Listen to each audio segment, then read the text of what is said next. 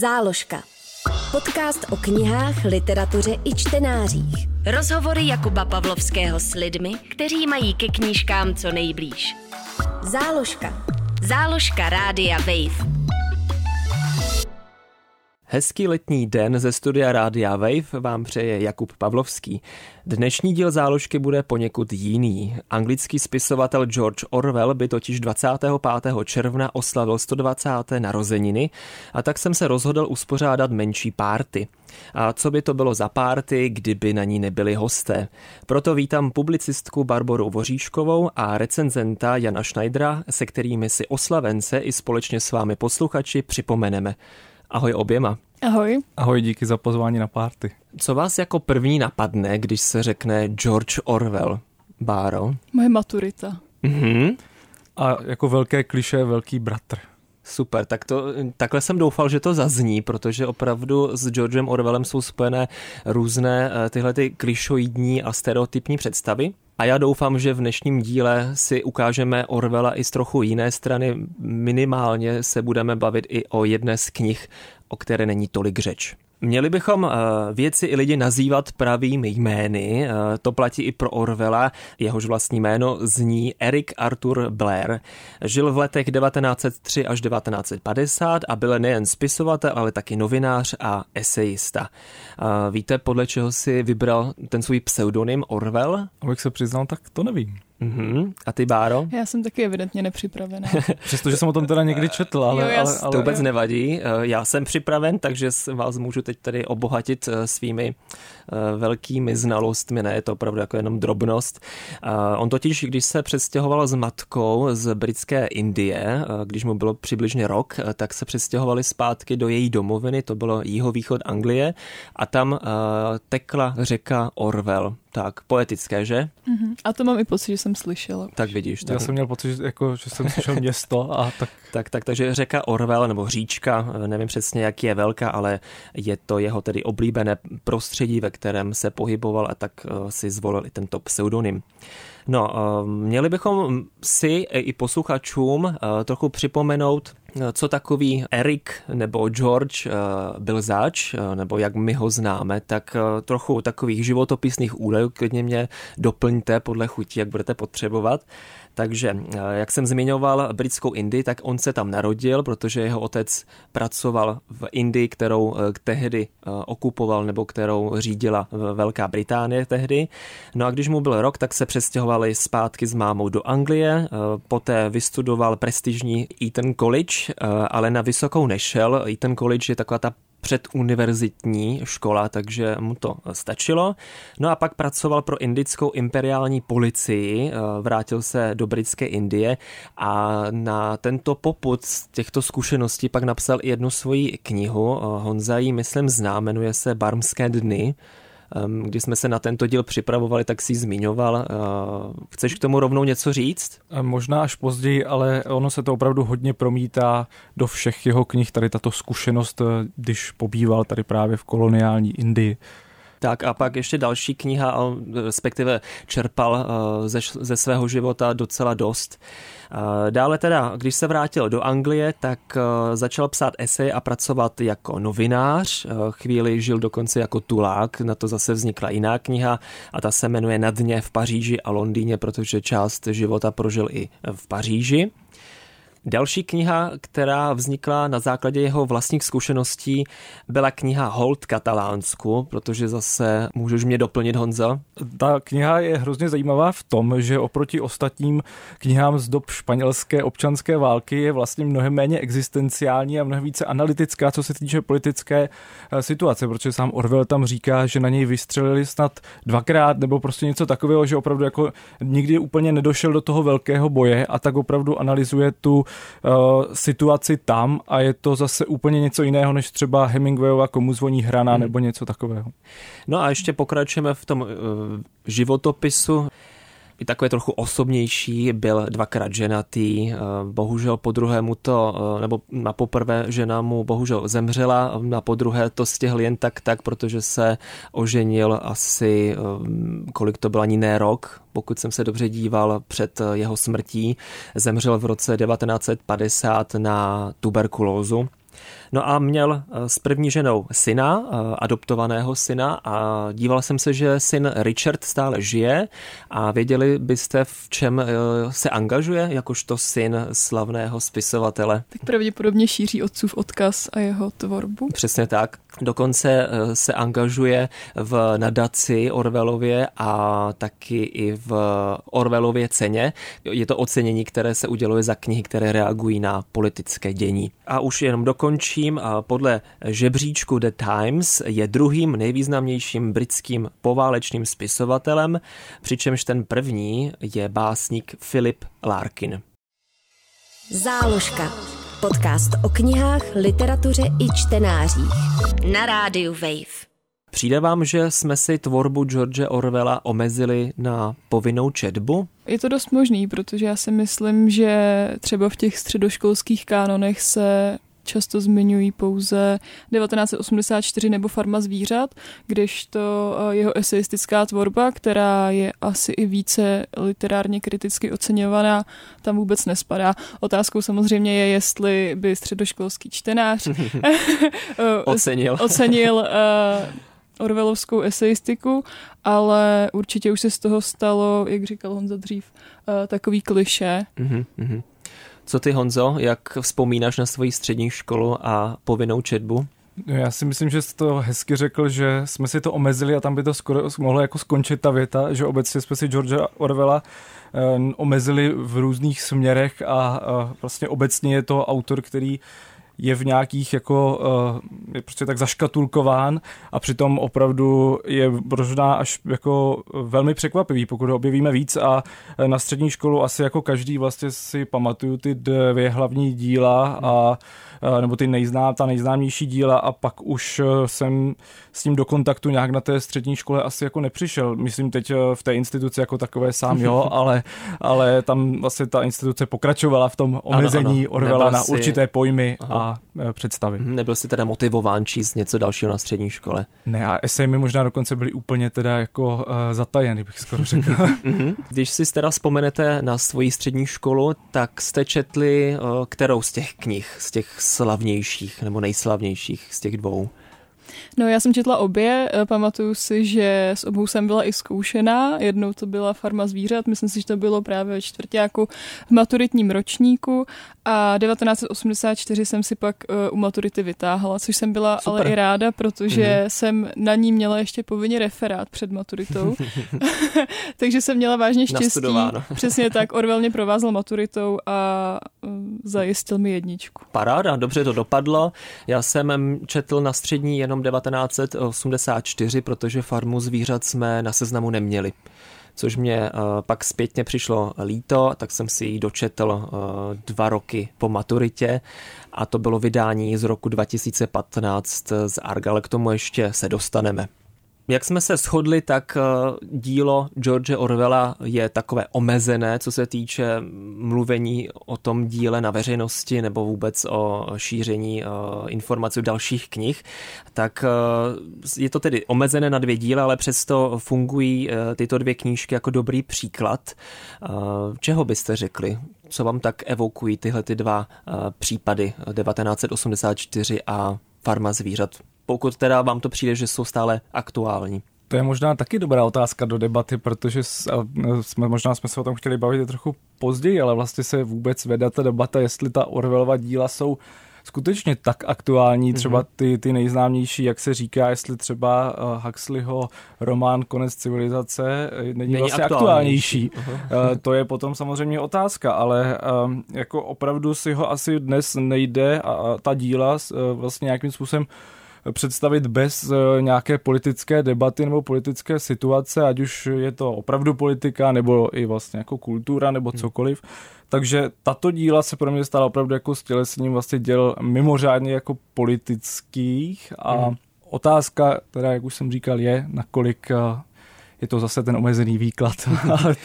A ty, Báro, když tak pročítáš eh, Orwellova díla, tak říkáš si, uh, jo, úplně se cítím jako 1984 nebo jako nějaké to zvíře eh, na farmě? E, jako zvíře na farmě? ne, ne, ne. Uh, já si myslím, uh, že nějakým způsobem aktuální stále jsou a myslím si, že asi ani není možný, aby aktuální nebyla ta díla, protože už jsou tak hluboce zakořeněná nějakým způsobem do naší kultury i do um, nějaké společensko-politické debaty, uh, že nakonec to Orwello, Orwellovo jméno vždycky uh, vypluje na povrch.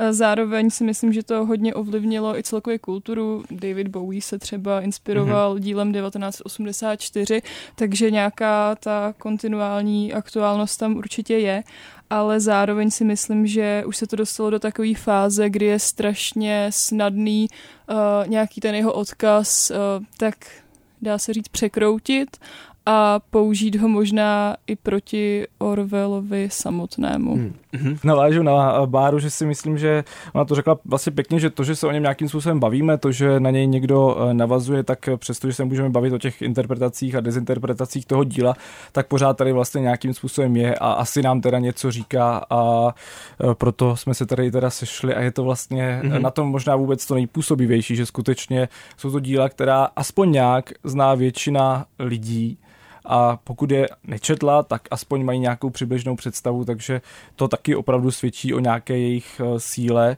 ať už teda myšlenkové a asi možná hmm. více myšlenkové, než zrovna v, těch, v, tom, v těchto dvou případech, než té, té milecké. Tak. Mm-hmm. Ono se taky říká, že Orwell je nejoblíbenější spisovatel lidí, kteří Orwella nikdy nečetli. Že... to je hezký, to jsem nikdy neslyšel, ale uh, určitě to bude ze života.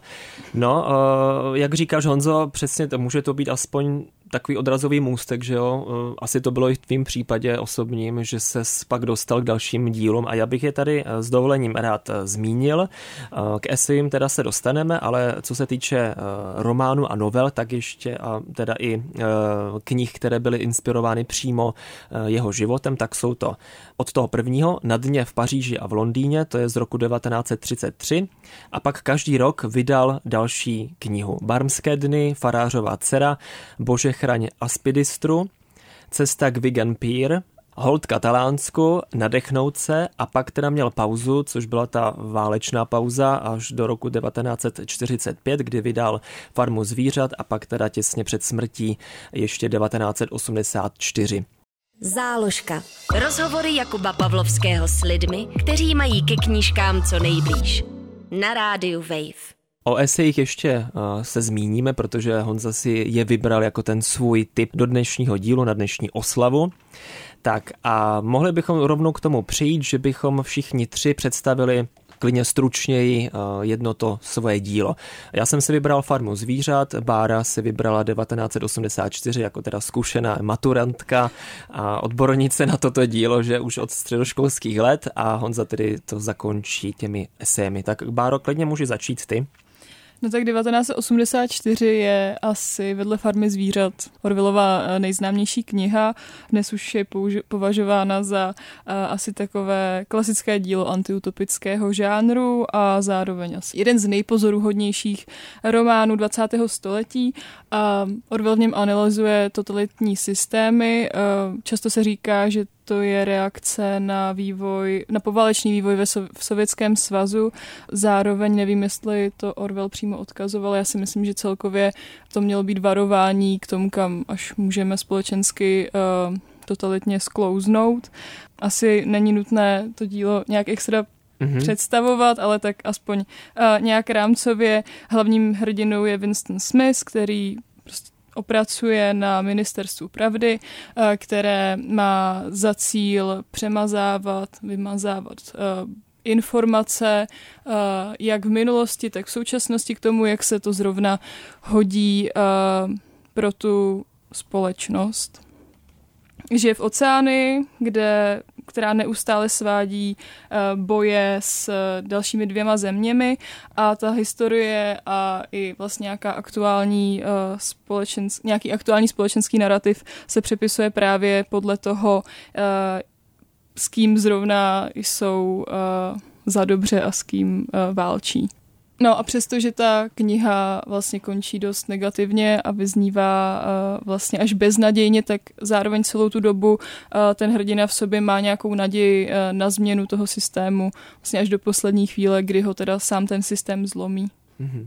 No a kdybys byla takhle u maturity, tak bych se ještě zeptal, jak na tebe to dílo působilo, jestli jsi ho jako čtenářka užila.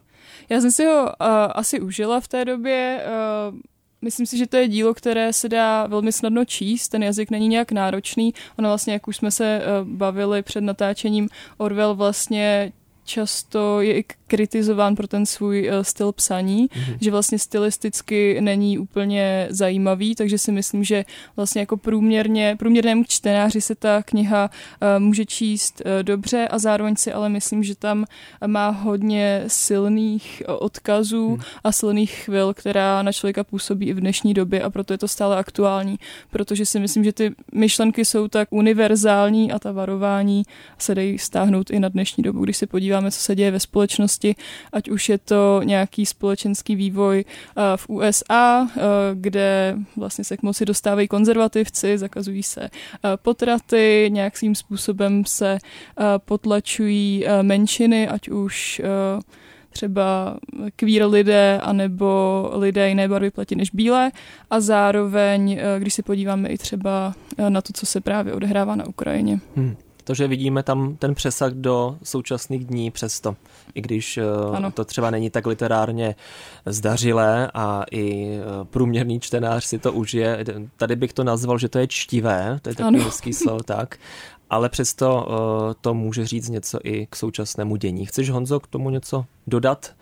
Jak, jak to působilo na tebe, když jsi to četl? Já se přiznám, teda já jsem, já jsem zrovna tyhle dvě nejznámější četl jako opravdu teda první a uh, je to vlastně docela paradoxní, že tím, jak jsou nejznámější, tak jako samotné ty knihy a co se tam děje, si pamatuju vlastně velmi málo, což je vlastně jako paradoxní mm-hmm. trochu, mhm. že opravdu i tak z toho zase zůstaly jenom nějaké ty prostě určité chvíle Pár, a nějaké prvky. A nějaké prvky detaily, a jako úplný vlastně nějaký uh, koncentrovaný zážitek jsem z toho jako vlastně čtená, čtenářsky jako neměl. Mm-hmm. A uh, vlastně považuji za mnohem potom právě lepší to rozvíjet už jako dalšími knihami toho Orwella a vlastně je chápat teda v nějakém kontextu, než jako takhle to samostatné dílo. Takže to je takový můj jako dojem z toho, hmm. co si pamatuju. Já to mám podobně docela. Máš pravdu, že uh, maturoval jsem už dávno a ani jsem teda neměl, uh, tuto knihu jsem si nevybral přímo k maturitě, jakože bych s ní byl zkoušen, takže um, je pravda, že od té doby jsem se k tomu nevrátil a těch dojmů mám taky minimálně. Hmm.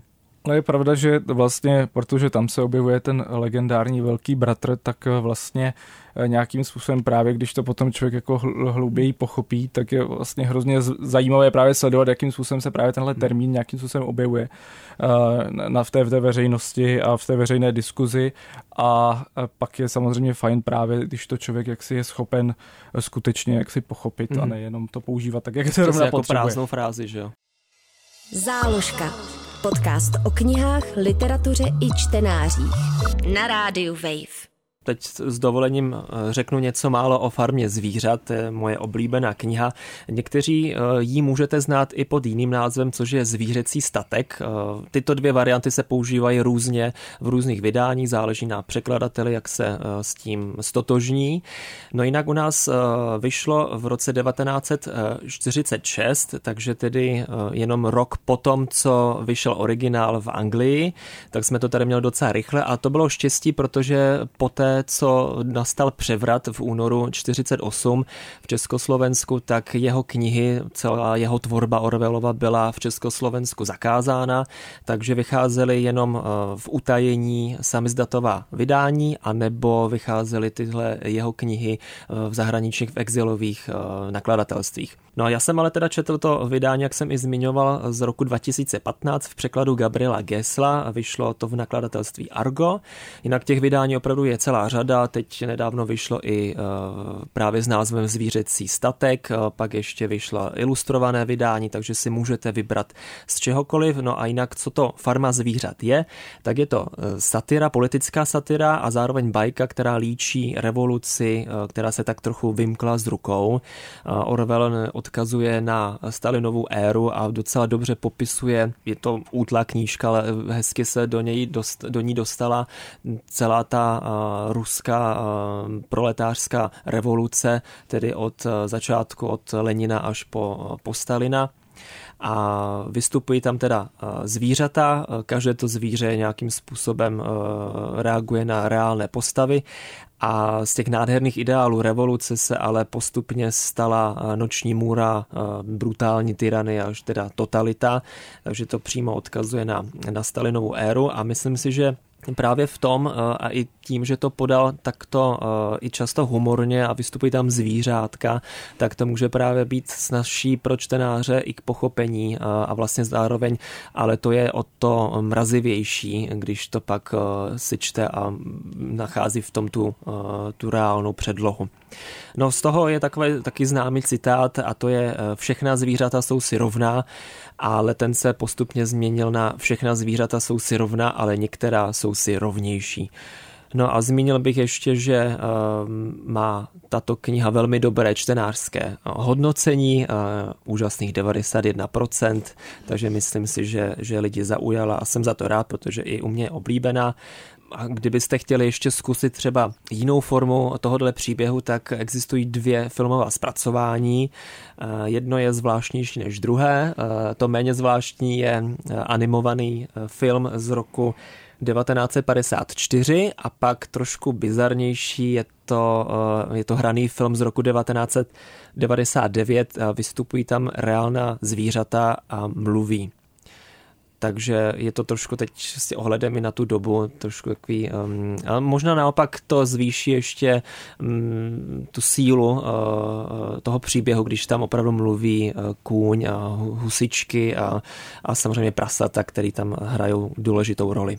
My to tady říkáme takhle stručněji, protože eh, jsou to díla známá a taky chceme, aby si je posluchači, čtenáři pak přečetli ještě detailněji sami v soukromí a v klidu. Eh, Honzo, chceš, vidím, že si tak pomrkával, jestli chceš dodat ještě něco svýho? Ne, ne, ne, to jsi špatně vyhodnotil, takže...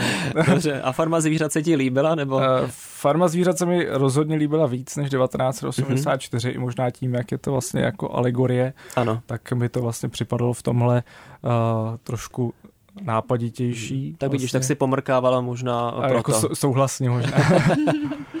Ještě bych s dovolením zmínil uh, takový jenom takový možná fun fact. Uh, on totiž uh, Orwell napsal Farmu zvířat nebo zvířecí statek už v roce 1944, ale měl problém s, najít nakladatele, který by mu tu knihu vydal a bylo to z toho důvodu, že uh, Rusko přeci jen se zapojilo do druhé světové války docela výrazně a nechtěli si úplně je provokovat uh, takhle výrazným dílem, který na ně přímo že, útočí nebo nepřímo útočí a ze zesměšňuje je a proto to trvalo skoro rok, než našel vydavatele, no ale pak už uh, to byla kniha úspěšná a dodnes je to bestseller a knize se daří a znají opravdu, myslím, uh, aspoň podle názvu, opravdu všichni. Záložka. Podcast o knížkách na rádiu Wave. Teď eh, přirozeně přejdeme, tak jak už jsme dospělejší, eh, mm, sečtělejší čtenáři, tak eh, přejdeme od těch opravdu známých děl k těm méně známým, ale o to zajímavějším a to už je tedy parketa pro Honzu, který si připravil první díl esejů s názvem Lev a jednorožec. O čem teda eseje jsou? Já jenom ještě ti právě zase navážu na tebe, jak jsi říkal, že to má dobré hodnocení na čtenářské, uh, jak si, ano, na čtenářské databázi, uh, tak, takže i Orwell se stal součástí tyranie hodnocení na internetu mm. a právě Lev a jednorožec, to už přesně poznáte, že to dílo není součástí maturity a tak dále, protože uh, těch hodnocení je tam skutečně málo a mm. asi opravdu málo lidí to četlo tím případem, uh, tím pádem a já jsem si teda tady uh, přinesl, což teda posluchači nevidí, ano. ale knihu Lev a jednorožec. Uvidí pak na obrázku. Ano, ano, což je vlastně první sbírka esejů. Eh, zahrnuje eh, roky 1928 až 1941 a oni ty eseje Orwellovi vycházely v češtině tak potom, potom v roce 89 tak jako různě v různých sbornících, ale teprve nedávno se to opravdu uspořádalo takhle kompletně, takže z toho vznikla eh, edice která vlastně obsahuje čtyři uh, knihy.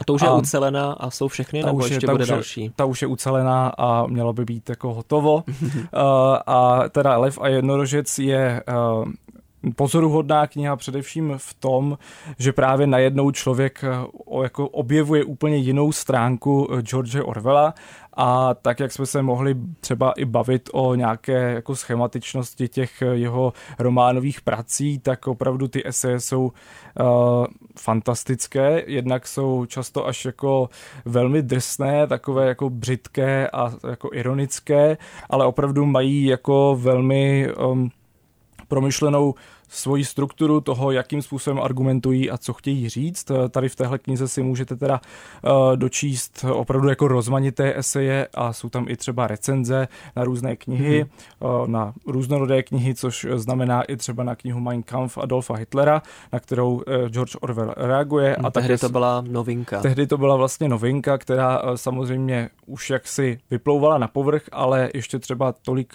lidí neznepokojovala, protože to vlastně esej ze počátku 30. let mm-hmm. a tak možná za hranice vlastně uh, Německa a tady těchto zemí sousedních to třeba tolik ještě uh, se jaksi nedostalo. A pak tam máme opravdu rozsáhlé eseje na několik desítek stránek, které některé jsou skutečně jako slavné a patří k tomu nejlepšímu, co se vlastně esejů týče ve 20. století.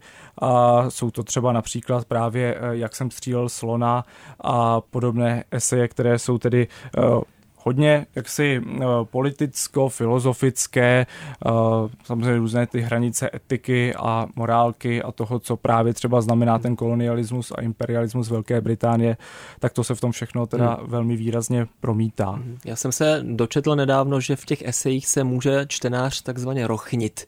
Rochníš se v esejích? Uh, je otázka, jestli se dá rochnit v těch tématech, která málo kdy jsou pozitivní, protože začínáme vlastně, jak si už zmiňoval, zmiňoval, že nějakým, nebo nevím, jestli jsi to zmiňoval, a když tak, mě, když tak mě opravíš, ale že se nějakou dobu pohyboval vlastně po ulicích jako ten tulák, tak začínáme tady v těchto různých vlastně chudobincích, které opravdu nejsou příliš pozitivní hmm. a potom přecházíme zase jeho zážitky z toho, když působil právě v té Indii a byl hmm. svědkem různých poprav, takže...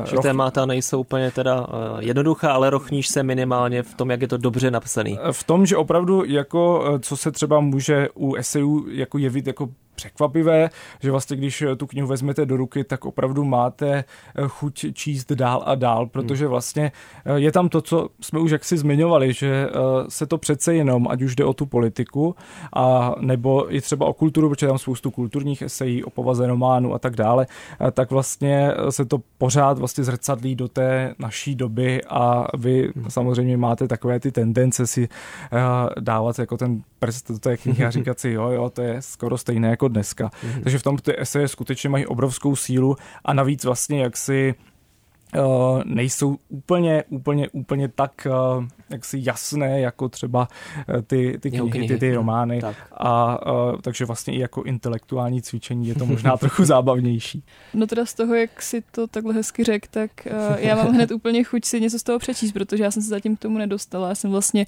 skončila u 1984 a farmy zvířat a vlastně na střední a pak hmm. tím, že jsem šla na bohemistiku, tak uh, se věnuju víc té české literatuře než té světové, aspoň z těch e, klasických děl, takže to zní mnohem zajímavěji vlastně než ta jeho kanonová díla hmm. určitě. Hmm. Já s tím taky souhlasím a mám na to chuť. Už jsem se díval i v knihkupectví, takže e, jsou tam všechny čtyři díly a postupně si je dopřeju. Navíc velká výhoda je, že pořád je to vlastně velmi srozumitelné, protože jsou to novinové sloupky, tudíž musí často, teda ne vždycky, ale musí splňovat samozřejmě nějaké uh, jako podmínky a tak dále, takže opravdu uh, ta vstřícnost k tomu čtenáři tam vlastně pořád je, přestože je to provokativní, je to velmi jako silné a výrazné, ale pořád tedy, jak říkám, mm-hmm. čtenářsky, jak si velmi vděčné, což se mm-hmm. u Orwella také často zmiňuje. ano, ano, to už jsme i zmínili. A ještě zmíníme, eh, ale to jsem eh, zatím nečetl, a to jsou jeho deníky. Eh, pochopil jsem i z různých právě anotací a hodnocení recenzí, že stojí rovněž za to. Já mám osobně deníky cizích lidí rád, takže si to taky přidávám na svůj čtenářský seznam. Máte to podobně, nebo už si měl, Honzo nebo Báro, možnost nakouknout do deníku? Do deníku ne, já mám eh, doma přichystaný deníky Silvie Platové, takže mm-hmm. na to mhm. jsem... A taky deníky. Ano, tak taky ano. deníky. A já si myslím, že vlastně eh, často je to skvělé doplnění toho jejich díla a nějakým způsobem i nahlédnutí mm-hmm. do toho procesu psaní. Takže si myslím, že um, i tím, tím způsobem, že jsou to deníky, tak to tím, že to není nějak redakčně osekané třeba, tak to může být mnoho, mm. mnohem zajímavější často než uh, ta finální díla. A možná i pro tebe jako pro bohemistku uh, může to mít zase jiný rozměr. Přesně tak. Já se přiznám, že nejsem úplně největší příznivec jako deníků nebo deníkové literatury, takže si to nechávám až jako... necháš úplně, zatím. No, zatím jo, zatím to nechávám už úplně jako naposled, přestože vlastně v těch esejích se samozřejmě nějakým způsobem promítají tyhle přesně osobní jako zážitky. Někdy se to sam, sam trošku jako stírá, že to není úplně jasné a vlastně se neví, jestli je to pravda nebo ne, ale pořád jsou tam opravdu jako silné osobní a právě ty nepříjemné nerochnící zážitky.